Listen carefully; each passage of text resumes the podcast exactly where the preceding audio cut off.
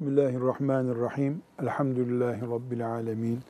Ve sallallahu ve sellem ala seyyidina Muhammedin ve ala alihi ve sahbihi ecma'in. Müminin defterinde zulme yer yok. Mümin zalim olmaz, mazlumluğu da kabul etmez.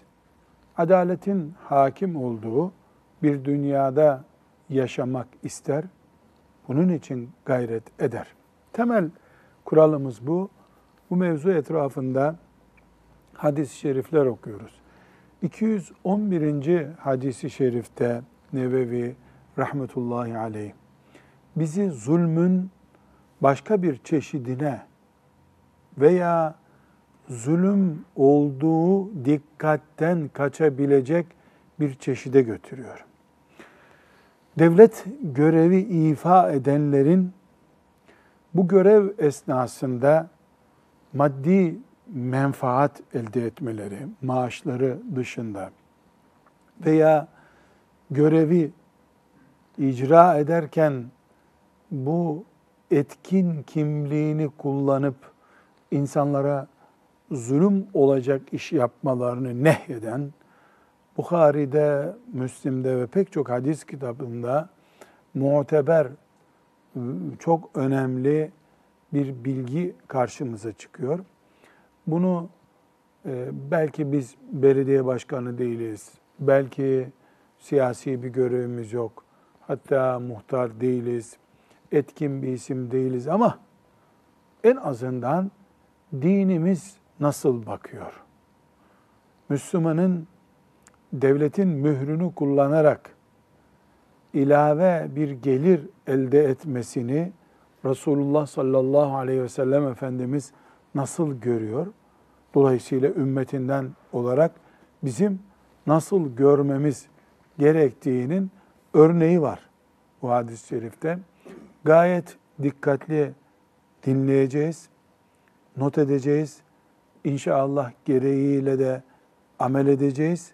Hem bizim bir devlet görevi, devletle alakalı devlet mühürü ve imzası kullanan bir görevimiz olduğu zaman Allah'tan korkmamız gereken kırmızı çizgiyi bize gösteriyor. Onun için hem de dinimizin siyasete, yönetime, insani ilişkilere getirdiği ölçülerden birini öğrenmiş olmak için. Evet, bu hadisi şerif biraz uzunca hadis-i şerif. Tercümesini okuyacağız. 211. hadis-i şerif Riyazu Salihinde Ebu Humeyd Abdurrahman İbni Ebi Sa'd Es-Sa'idi radıyallahu anh'ten rivayet ediliyor. Dikkatlice dinleyelim. Buyur Hafız. Ebu Humeyd Abdurrahman İbni Sa'd Es-Sa'idi radıyallahu anh şöyle dedi. Resulullah sallallahu aleyhi ve sellem Ezd kabilesinden İbni Lütbiye denilen bir adamı zekat toplamak üzere görevlendirmişti. Bu zat vazifesini yapıp Resulullah'ın huzuruna gelince şu mallar sizindir, şunlar da bana hediye edilenlerdir dedi. Bunun üzerine Resulullah sallallahu aleyhi ve sellem minberde ayağa kalktı ve Allah'a hamdü senadan sonra şöyle buyurdu. Size söyleyeceğime gelince Allah Teala'nın benim idareme verdiği işlerden birine sizlerden birini görevli tayin ediyorum. Sonra da o kişi dönüp geliyor ve bana diyor ki şunlar size ait olanlardır, şunlar da bana hediye edilenler. Eğer o kişi sözünde doğruysa babasının veya anasının evinde otursaydı da kendisine hediye gelseydi ya Allah'a yemin ederim ki sizden biriniz haksız olarak bir şey alırsa kıyamet gününde o aldığı şeyi yüklenmiş vaziyette Allah'ın huzuruna çıkar. Ben sizden herhangi birinizin Allah'ın huzuruna böğüren bir deve veya bir inek yahut da meleyen bir koyun yüklenmiş vaziyette mi çıkacağınızı kesinlikle bilemem. Sonra Resulullah sallallahu aleyhi ve sellem koltuklarının altının beyazı görülecek kadar ellerini yukarıya kaldırıp Allah'ım tebliğ ettim mi buyurdu. Sadaka Resulullah sallallahu aleyhi ve sellem. Gayet kolay anlaşılır bir şey. Zekat İslam'ın emirlerinden biri. Resulullah sallallahu aleyhi ve sellemin sağlığında Ebu Bekir ve Ömer radıyallahu anhumanın zamanında zekatı devletin görevlisi topluyordu. Bin tane koyunu olana gidiyordu devlet. Ne kadar zekat verecekse alıp geliyordu. Resulullah sallallahu aleyhi ve sellem devlet olduğuna göre bizzat kendisi gidip alacak hali yok. Bir kişiyi zekat görevlisi olarak tayin ediyordu. Bu zatı da tayin etmiş. İşte filan semtin zekatlarını topla gel demiş. Ne yapacak bu zat? Gidecek, çıkar bakayım develerini, koyunlarını diyecek. İşte altınlarını göreyim diyecek. Şu kadar. Sana şu kadar zekat düşüyor diyecek, alıp gelecek. Öyle de yapmış adam. Sahabi gitmiş, zekatları toplamış. Gittiği yerlerde bu kim? Peygamber sallallahu aleyhi ve sellemin sahabisi, peygamberin görevlisi. Diyelim ki adama işte 100 gram altın zekat verdiler, topladı. Ya emek verdin, buraya kadar geldin. Bu küçük altıncık da senin olsun deyip hediye etmişler. Geri gelince Medine'ye topladığı bölgeden mesela beş çuval malzeme toplamış gelmiş diyelim. Küçük bir poşetçik kadar da ona hediye vermişler. Sahabi ilk defa görev yapıyor. Resulullah sallallahu aleyhi ve sellemin bu konudaki emri bilinmiyor. Demiş ki ya Resulallah bu gördüğünüz şeyleri buyurduğunuz gibi zekat olarak topladım. Bunu da bana hediye ettiler. Demiş adam. Bir kaçırma yok ortada. Bir sıkıntı yok. Efendimiz sallallahu aleyhi ve sellem minbere çıkmış. Yani konuşma yapacağı yere çıkmış. Allah'a hamd ettikten sonra yani elhamdülillahi rabbil alemin diye başladıktan sonra buyurmuş ki size bir şey söyleyeceğim. Sizden birinizi zekat memuru olarak bir yere gönderiyorum. Geri gelip bana diyor ki bunları devlete verdiler, bunu da bana verdiler diyor. Ya bu adam babasının evinde otursaydı o hediyeleri getirip ona verecekler miydi? Hayır. Benim verdiğim görevi yaparken görevinin ağırlığından dolayı ona hediye verildi. Bu nedir? Devletin görevinin icra edildiği esnada o forstan kaynaklanarak insanların sana bir hediye vermeyi arzu etmesidir. Babanın evinde olsan sana kimsenin bir altın, bilezik, saat hediye edeceği yoktu. Sen köyünde, şehirde otururken kimse sana bir hediye vermiyordu. Devlet görevlisi oldun diye sana hediye verildi. Bu da nedir? Görev nüfuzunu kullanarak sen istememiş olsan bile sana bir hediye verilmesidir. Sonra buyurmuş ki sallallahu aleyhi ve sellem Efendimiz koltuk altları görülecek kadar kollarını açıp bu şekilde Allah'ım ben tebliğ ettim. Anlattım şahit ol ya Rabbi. Neyi anlattım diyor. Devlet görevindeki bir zabıtanın, memurun, askerin, polisin, sivil tapu dairesindeki memurun, müftülükteki görevlinin, camideki müezzinin devlet görevlisi olduğu sürece hediye bile alması görevi esnasında caiz değildir. Bu yüzden İslam fukahası ittifak etmişlerdir ki devlet memurunun aldığı hediye rüşvettir, haramdır. Niye? Ne buyurdu sallallahu aleyhi ve sellem Efendimiz? Babanın evinde otursaydın bunu sana verecekler miydi? Yok, vermeyeceklerdi. Emekli olduktan sonra veriyorlar mı sana? Talha Hoca, Ne diyorsun? Vermezler hocam. Verirler. Emekli olduğun şehir, o görev yaptığın şehirse, hala oradan tanıdıkların varsa, sen hala memursun. Üstelik çok iyi bir memursun. Nasıl olsa suçun yok, kabahatin yok. Telefon ediyorsun, geliyor. Dolayısıyla yine rüşvet alıyorsun.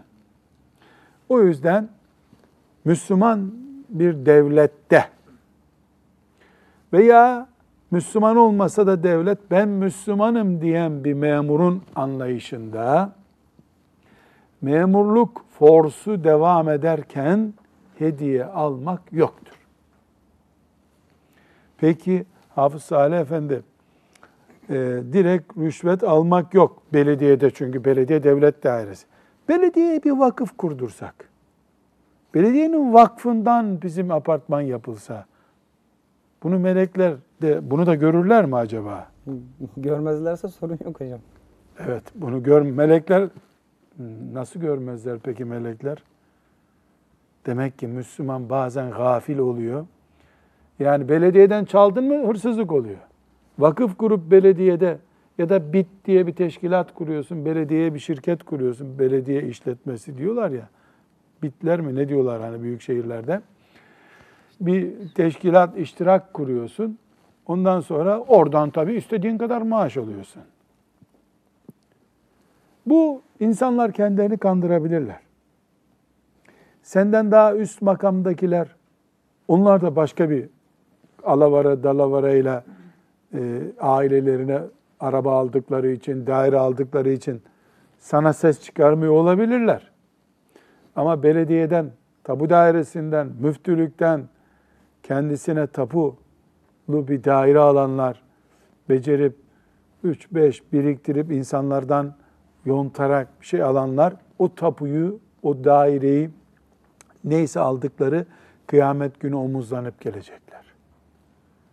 Burada e, dikkat edilmesi gereken hadis-i şerifte mühim bir nokta var. Yani burada biz ne görüyoruz? Resulullah sallallahu aleyhi ve sellem uyarmış diyoruz. Ama Efendimiz sallallahu aleyhi ve sellem mübarek koltuklarını kaldırıp Allah'ım ben tebliğ ettim sen şahit ol ya Rabbi diyor. Büyük bir emanet bırakıyor demek ki. Büyük bir emanet bıraktı. Bu büyük emanetin onun lisanındaki ağırlığı nereden hissediliyor? Özel bir tavır gösterip ellerini kaldırıp ben anlattım ya Rabbi. Ben anlattım. Buyurmasından anlaşılıyor. Buradan yola çıkarak şeriatımızın temel kuralını söylüyoruz. Bir, memur veya memur gibi biri. Mesela memur değil ama belediyenin bitinde yani şirketlerinden birinde mesela diyelim ki su şirketi, gaz şirketi, resmi şirket değil ama devlet gibi bir şirket. Orada da sen istediğinin gazını açıyorsun, istediğini kesiyorsun ya da cezayı görmezden geliyorsun. Karşılığında da sana küçük bir eşantiyon dolma kalem veriyorlar diyelim. Bunu babanın evinde olsaydın bu kalemi sana hediye edecekler miydi diye soruyoruz. Evet ben babamın evinde de otursaydım kara kaşlarıma hayran olup insanlar bana her ay dolma kalem getirirlerdi diyorsan mesele yok. O rüşvet değildir. Bu kanun ciddi Müslüman ve siyasetin ve idarenin ve paranın ve mühürün ve imzanın kesiştiği her yerdeki kanundur. Babanın evinde otururken sana bunu verecekler miydi? Hayır. Sen rüşvet aldın. Adı rüşvet değil bunun. İşte ikramiye ilavesi. Ne bileyim bin bir ismi var bunların tabi. O isimler senin üst müfettişini kandırır. Melekleri kandıramaz. Maaşın helaldi sana. Artı ne geldi? Ha, devlet kanun çıkardı. Kurban bayramında ek maaş verdi. E bu herkese veriyor zaten. Hiçbir sıkıntı yok. Ek, devlet dedi ki, e, üç tane çocuğu olanın dördüncüsü olursa ilave şu kadar para. Ya bu kanun ayrı bir mesele. Burada herkese olmayan sadece sana özel olan ve kamuya gösterip bakın bunu ben devletten aldım diyemeyeceğin bir şey. Bu rüşvettir, haramdır. ismi ne olursa olsun. Burada Resulullah sallallahu aleyhi ve sellemin başka bir hadisi şerifini hiçbir memur unutmamalıdır. Ne buyuruyor? Resulullah sallallahu aleyhi ve sellem rüşvet alana da verene de lanet etmiştir. Peki durduk burada şimdi. Hadis-i şerifin başından beri devlet dairesinde bu korsanlığı yapanı konuştuk hep. Değil mi? Ama Ebu Davud'un rivayet ettiği la'anallah, la'ane Resulullah sallallahu aleyhi ve sellem er-raşi vel murteşi. Resulullah sallallahu aleyhi ve sellem rüşvet verene de alana da haram etti sözünden ne anlaşılıyor? Müslüman işini iki dakika geç yaptıracak ya da iki lira pahalı yaptıracak diye memura rüşvet vermez adamdır. Rüşvetliyi teşhir etmek lazım. Rüşvet, rüşvetçiye destek olmamak lazım. Rüşvet niye alıyor memurlar? Veren bulunduğu için alıyor. Niye veriyor insanlar? Ya yasal olmayan bir iş yaptırıyorlar. E zaten suç bu. Yasal olmayan bir iş niye yaptırıyorsun? Ya da hakkını aramayı bilmiyor Müslüman. Gidip bir üste şikayet etse memur elini ayağını öpe öpe yapacak o işi. Üşeniyor üste gitmeye. Buradan bir dolma kalem vereyim sana diyor. Her halükarda rüşveti alan da bu ümmetin lanetine müstehaktır. Veren de müstehaktır. Ne yapalım işler yürümüyor. İşini düzgün yap. İşini düzgün yap. Düzgün yapanı engelleyemeyecek yasalar var. En üste kadar dilekçe ver. Miting yap, bağır çağır. Memur işimi halletmiyor diye. Sessiz kalıyor vatandaş. Sessizliğinin de faturası gibi bir rüşvet ödüyor, bitiriyor. Bazen devletler e, böyle asıp kesiyorlar. Gümrükte şöyle ederiz, böyle ederiz diyorlar. Ufak rüşvetleri önlüyorlar bir ay, iki ay. İki ay sonra o rüşvetle ilgili genelgeyi çıkaran adamın bile oradan arabası geçerken o veriyor rüşvet bu sefer. Ya da onun vermesine gerek yok. E, o zaten imza yetkili olduğu için imzası rüşvet onun oluyor. Bu hadisi şerifte e, Resulullah sallallahu aleyhi ve sellem Efendimiz memurun e, rüşvet tüplü bir hediye almasını, hediyeleşmesini ne olarak görüyor? Kıyamet zulümlerinden bir zulüm olarak görüyor. Yani kıyamet günü bu hesap verilecek. Dolayısıyla biz Hitler kıyamet günü çok çekecek cehennemde diyoruz. Küçücük bir Hitler de bizim kasabadaki belediyede var. Yani sadece Allahu Teala e, Hitler'e mi, Mussolini'ye mi azap edecek insanlara zulmetti diye? Elindeki imzayı, yetkiyi kötü kullanan, haksız kullanan, insanlardan yasal olmayan e, hediyeler vesaireler alarak iş yapan herhangi bir insan bu, bu muhasebeye kıyamet günü muhakkak tutulacaktır. Zulmetmiştir insanlara. Dolayısıyla bir iktidarın zalim olmayışı sadece e, yasaları adil çıkarmakla değil, en ucra köşedeki memurlarının bile dolma kalem alıp almadıklarını insanlardan ölçerek anlaşılabilir. Çünkü Resulullah sallallahu aleyhi ve sellem Efendimiz ellerini kaldırıp ben tebliğ edim, ettim deyip gitti bu dünyadan. Bu çok açık bir ifade. Ben tebliğ ettim gittim. Bu tebliğde neyi tebliğ etti Efendimiz sallallahu aleyhi ve sellem? Ben zulmetmiyorum değil. Zaten kendisi zulmetmiyor aleyhissalatü vesselam. Memurunun da bunu yapmasına asla musamaha etmediğini söyleyip gitti sallallahu aleyhi ve sellem Efendimiz. Şeriatın ince ayarları bunlar. Yani bu, bu hassasiyeti gösterebildiğimiz zaman işte İslam budur diyebiliriz. Ve bir noktada Hafız Salim burada çok dikkat çekiyor. Resulullah sallallahu aleyhi ve sellem Efendimiz memur gönderiyor. Gönderdiği memur bir yanlışlık yapıyor. Herkes o memuru biliyor. Zaten milletin içinde gelip ya Resulallah e, ben size şunları getirdim, kendime de bunları aldım. Adam söylüyor. Efendimiz sallallahu aleyhi ve sellem e, bu görev hatasını o adamı rezil ederek düzeltmiyor. Onun ismini bir daha anmıyor. Ne buyuruyor? Ya birilerine ben bir görev veriyorum. Gelip böyle böyle diyorlar diyor. Adam filan sülalenin filan çocuğu böyle bir kanun dışı bir iş yaptı. Resmi gazetede ilan ediyorum bunu filan demiyor. Cürmü yani o hatayı konuşuyor. Adam bir daha konuşmuyor. Bu peygamber nezaketidir aleyhissalatu vesselam. Adamı bir daha diline almıyor. Neden? Peygamber aleyhisselam da biliyor ki bu zat bunun haram olduğunu bilmiyordu. Ne güzel hediye verdiler bana diye sevine sevine gel. Kim bilir onların çocuklarına nasıl vereceğini de böyle hayaller kurmuştu. Bu bir hata. Hatanın üzerine gidip o adamı toplumda berbat hale getirmek Peygamber Efendimizin ahlakında yok. Ama ortadaki hata da büyük bir hata. Diğer memurlar da bunu yapabilir. Bu adam bir daha gidip yapabilir. Hatanın üstüne gidiyor. Hatayı affetmiyor. Orada esneklik yok. Bu yapılmamalıydı diye tembih ediyor. Ama kalk bakalım.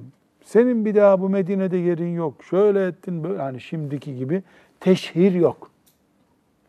Bunu da biz hem böyle e, uluslararası konularda hem de evdeki çocuklara uygulamamızda, vakıftaki talebelere uygulamamızda, medresede, okulda, camide, mesela aynı uygulaması Efendimiz sallallahu aleyhi ve sellemin camide var. Namaz kılarken e, namazda konuşuyor birisi.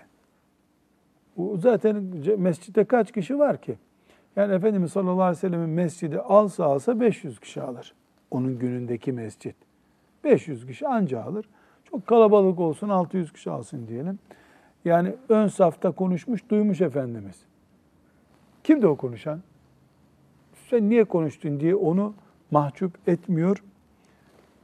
Birileri namazda konuşuyor, namazda konuşulmaz buyuruyor. Çünkü onun için önemli olan o hatadır. Hatayı yapan değil. Önemli olan namazda konuşma hatasını kaldırmak.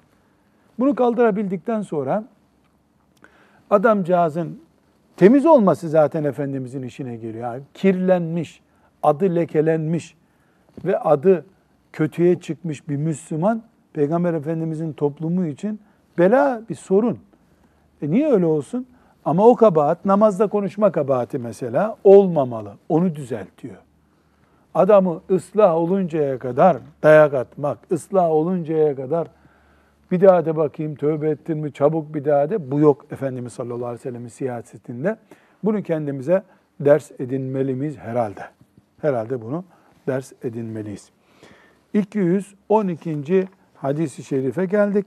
Resulullah sallallahu aleyhi ve sellem Efendimiz e, hala bize zulümden kaçınmamıza yönelik nasihatlerde bulunuyor. Oturup tefekkür edeceğimiz dersler e, bize veriyor. Şimdi bu e, dersimizi dinleyelim. 212. hadisi şerif. Ebu Hureyre radıyallahu anh'ten rivayet edildiğine göre Nebi sallallahu aleyhi ve sellem şöyle buyurdu. Kimin üzerinde din kardeşinin ırzı, namusu veya malıyla ilgili bir zulüm varsa altın ve gümüşün bulunmayacağı kıyamet günü gelmeden önce o kimseyle helalleşsin. Yoksa kendisinin salih amelleri varsa yaptığı zulüm miktarınca sevaplarından alınır, hak sahibine verilir. Şayet iyilikleri yoksa kendisine zulüm yaptığı kardeşinin günahlarından alınarak onun üzerine yükletilir. Euzubillah. Evet. Bir kere daha kul hakkı üzerinde olanların dikkat etmesi gereken bir başlık açıldı. Zulüm çünkü bu. Üç şey sayıyor Efendimiz sallallahu aleyhi ve sellem. Müslümanın canı, namusu, malı. Can, namus, mal. Bu üç şey Müslümanların üzerinde birbirlerine haramlarıdır. Irzımız, namusumuz, malımız, kanımız birbirimize yasak. Müslümanın malını alıyorsun, kul hakkı. Müslümanın canını acıtıyorsun, kul hakkı. Hadi öldürdü demeyelim, o zaten kul hakkı. Müslümanın onurunu zedeliyorsun, kul hakkı. Onur zedelemenin en yaygın örneği nedir? Gıybet, iftira, dedikodu.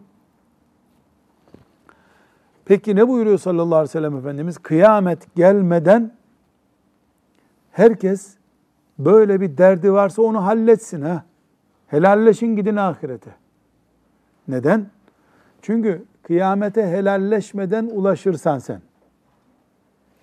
Allahu Teala'nın adaleti gereği hiçbir şekilde Allah o işe karışmayacak. Sen çok iyi müminsin. O adamın sendeki hakkını sildim demeyecek Allah. Kulların aralarındaki hakka, hukuka karışmayacak. Helalleşin buyuracak. Peki altın yok, gümüş yok, dolar yok, euro yok, lira yok. Neyle helalleşeceğiz kıyamet günü? Güzel. A ile B şahsı helallik sorunları var. Allah biliyor kim burada haklı. B haklı. Ne haklı var? Gıybetini etmiş, incitmiş onu. Tamam. Bu incitme Allah'ın terazisinde belli. Mesela onun bodur olduğunu, şişman olduğunu konuşup incitmiş onu. Üzmüş.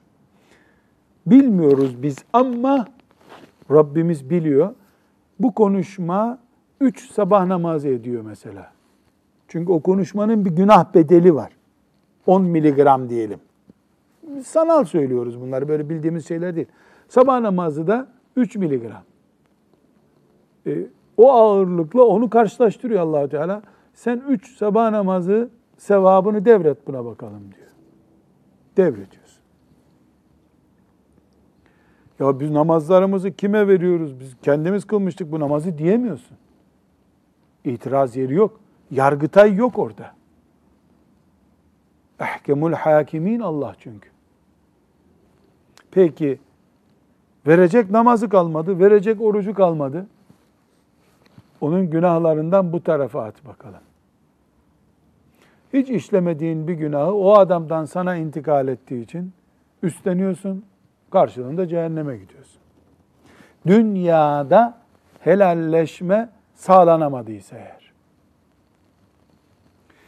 İslam dininin kurduğu hayat düzeninin hiçbir farkı olmasa, sadece bu olsa bütün beşeri sistemlerden ölçülemeyecek kadar daha üstün olduğunun belgesidir bu. Burada tazminattı, ödemeydi, hacizdi. Bunlar beşerin de yapabileceği işler. İslam'ın farkı ne? Müslümansan Müslümana zarar vermeden yaşayacaksın. Verirsen toprağın altında asas bunu ödetirim sana diyor. İslam'ın büyüklüğü bu. İnsanları 10 sene hapisle tehdit etmiyor. Ebedi cehennemle tehdit ediyor. Beşerin böyle bir ceza verme hakkı yok. Seni mezarda rahat bırakmayız mı diyecek. Ne diyecekler? Mezar cezası diye bir ceza da yok. Ne ha senin kimsesizler mezarına atarız çiçek dikmeyiz üstüne diyecekler. Ulan ölünün ne işi var çiçekle zaten. Bunun için şeriatımız elhamdülillah öyle büyük bir şeriat ki hiçbir farkı olmasa bu farkı yeter. Uyutmuyor seni. Niye uyutmuyor?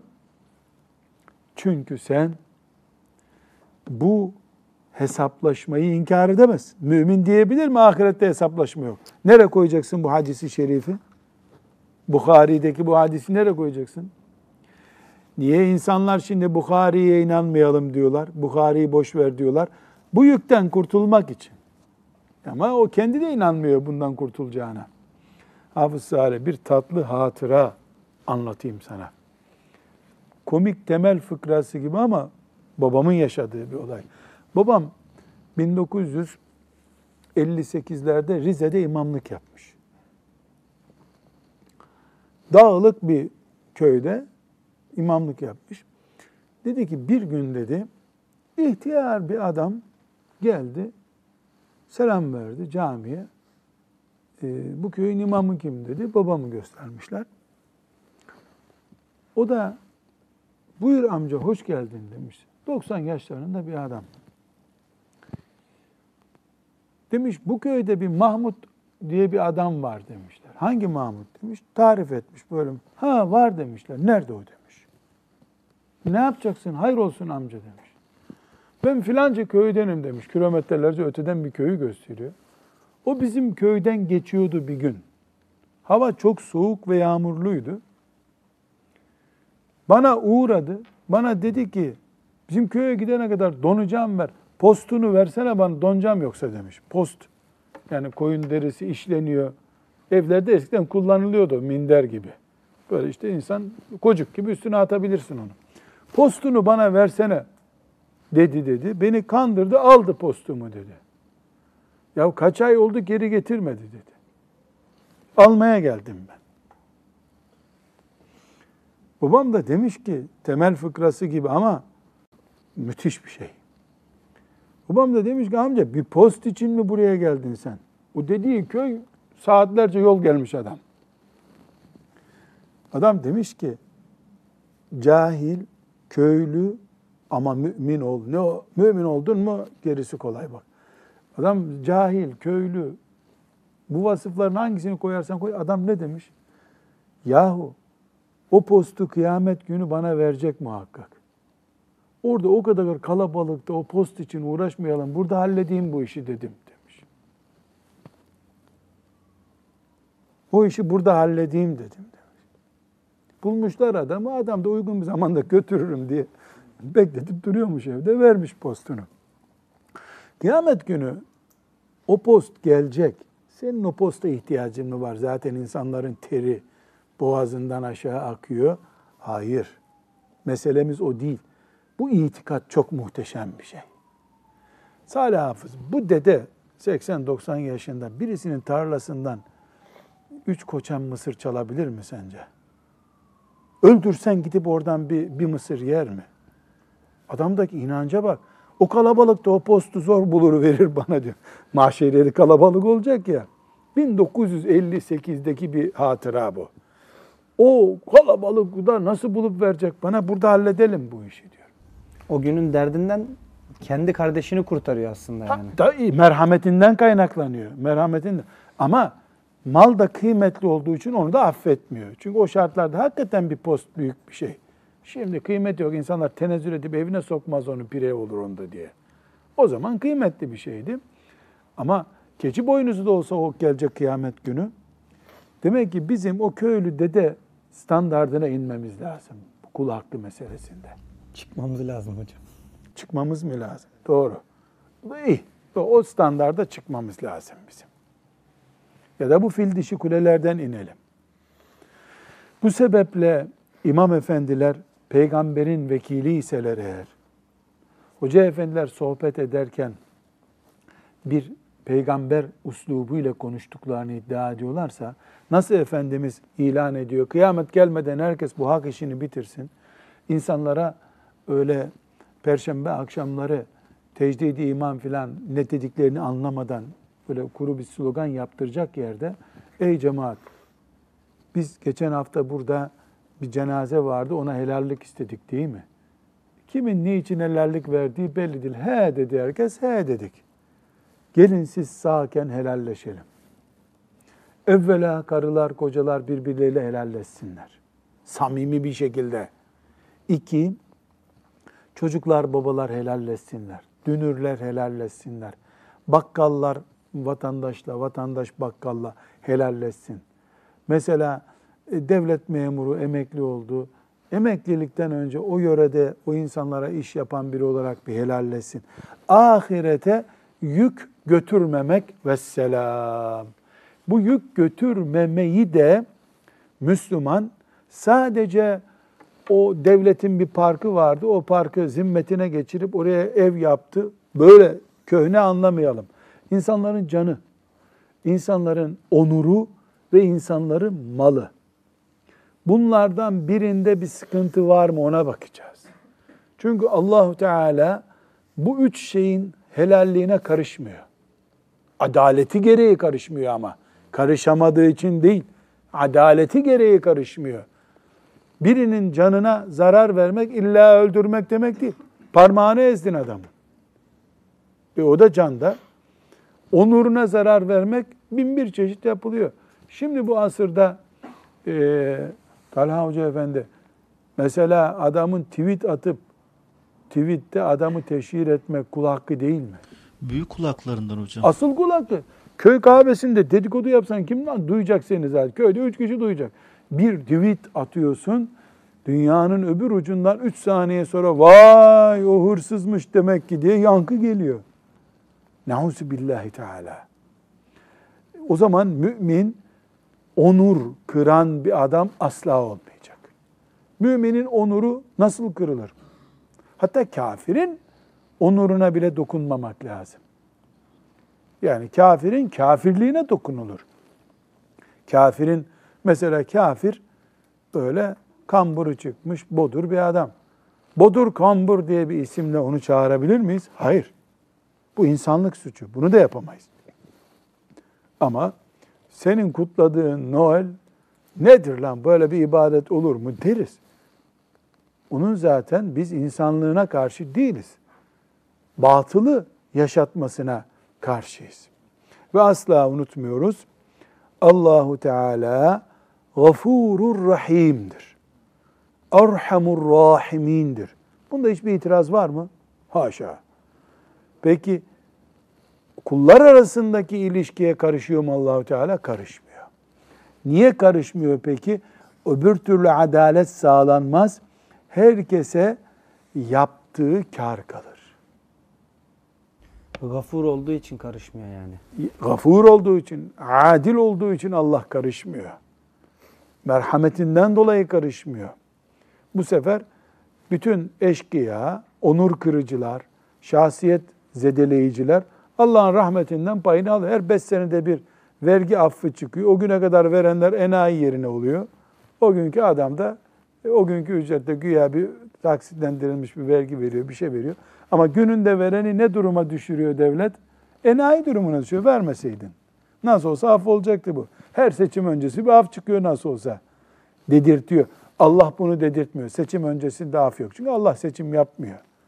Yani seçim propagandası yok Allah'ta. O Kur'an'ını indirdi, şeriatını emretti. Ve bir şeyi daha hatırlatıyor Efendimiz. Para yok kıyamet günü. Para yok. Ne var? Sevap var. Para yok, sevap var. Bu hatırlatma kitapta altı çizilmeli. Vaazlarda bu hatırlatılmalı. Parasız yere gidiyoruz. Ama bir hesaplaşmadan söz ediyoruz. Evet, hesaplaşmamız para üzerinden değil, ne üzerinden orada? Hasenatımız üzerinden. Biriktirdiğimiz sevaplarımızın üzerinden olacak neuzubillah. Peki bu bir cümle daha e, devam edelim. Bu helalleşme nasıl sağlanacak? Kıyamete gitmeden helalleşin diyor sallallahu aleyhi ve sellem Efendimiz. Nasıl sağlanacak? Helallik konusu maddi bir değerse kesinlikle o yerine getirilecek. Hiçbir şey yok. Gözlüğünü mü kırdın? Gözlüğünü alıp vereceksin adamın. Ama özür diledin de helal ettim dedi gözlüğü istemiyorum. Bir sakınca yok. Yasal olarak o ne isteyebilir senden? Kırdığın gözlüğünü ister. Bir. İki, e, adamın canına zarar verdik. Hastane masrafını ödersin, elini ayağını öpersin. Bir yol helalleşeceğiz. Gıybet ettik. Gıybeti neyle tartacağız peki? Tartacak hiçbir şey yok. Onun gönlü alınacak adamın. Peki alimlerimiz şuna çok önem vermişler. Mesela 15 yaşında bir genç iken, mükellef ama tabii 15 yaşında mükellef, e, birisinin gıybetini yaptı. Ve o adamı rezil etti gıybetiyle. O geldi 50 yaşına, bunun ne kadar büyük vebal olduğunu anladı. Ulan bu adamla helalleşelim düşündü. Fakat şimdi filan yerde müftü adam. Veya filan yerin valisi adam. gidiyor e, kahvede oturan birisine selamun aleyküm ben 18 sene önce 38 sene önce senin hakkında şöyle demiştim diyor. Bu toplum içinde insanı o gıybetin oluşturduğu zarardan daha büyük bir komplekse, zarara ve prestij kaybına götürebilir bir şeyse bunu o adam için istiğfar ederek, dualar ederek, onun için sadakalar vererek de kapatmak inşallah mümkün olur demiştir alimlerimiz. Ama ana sloganımız şu, mezara girmeden bu dosyaları kapat. Nasıl kapatırsan kapat. Hocam bu durum öyle bir zor ki e, yani buna benzer bir mesele bu karikatür meselesi. E, karikatür yayınlanıyor. Mesela karşınıza çıkıyor. E, tahkir içeren bir şey. Gayri ihtiyar güldünüz. O zaman e, bunun da e, Tabii, hesabı verilecek. oluyorsun. Tabii kesinlikle. Kesinlikle. Af yok. İnsan onuruna zarar verdin mi sen? Bunu istersen el kol işaretiyle yap, dudak işaretiyle yap, kaş göz işaretiyle yap. Veylüllü küllü hümezetin lümeze. Veyl olsun Allah buyuruyor. O hümeze lümeze nedir? Kaş gözle yapılan işarettir. Ona bile allah Teala veyl olsun, ateş olsun bunun üstüne buyuruyor. Allah veyl olsun der de o işten daha e, esnetilebilir mi? Rabbim zalim olmaktan muhafaza buyursun. Mazlum olmayacak direnci de bize göstermeyi kolay kılsın. Velhamdülillahi Rabbil Alemin.